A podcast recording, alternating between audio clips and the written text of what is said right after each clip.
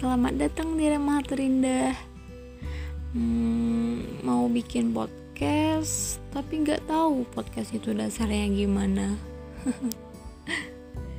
Mengenai namanya Remah Terindah Menurut KBBI, remah artinya repi-repi roti atau sisa-sisa makanan dan sebagainya yang ketinggalan di tempat makan. Sedangkan terindah artinya ya indah, cantik, elok, dan enak dipandang. Jadi ingat, kita semua indah di mana pun dan siapa pun dirimu. Mungkin itu pesan dari nama podcast ini yang ingin saya sampaikan kepada kalian semua. Hmm, kalau tentang kenapa tiba-tiba buat podcast, galau ya?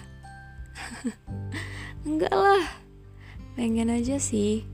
Soalnya selama pandemi saya nggak bisa cuma baring di kasur doang.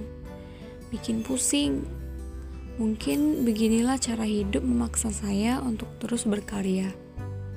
Dan melalui podcast ini saya harap bisa jadi perantara kalian saat ingin menyampaikan sesuatu. Enjoy ya. Semoga gak bosan dengar suara saya.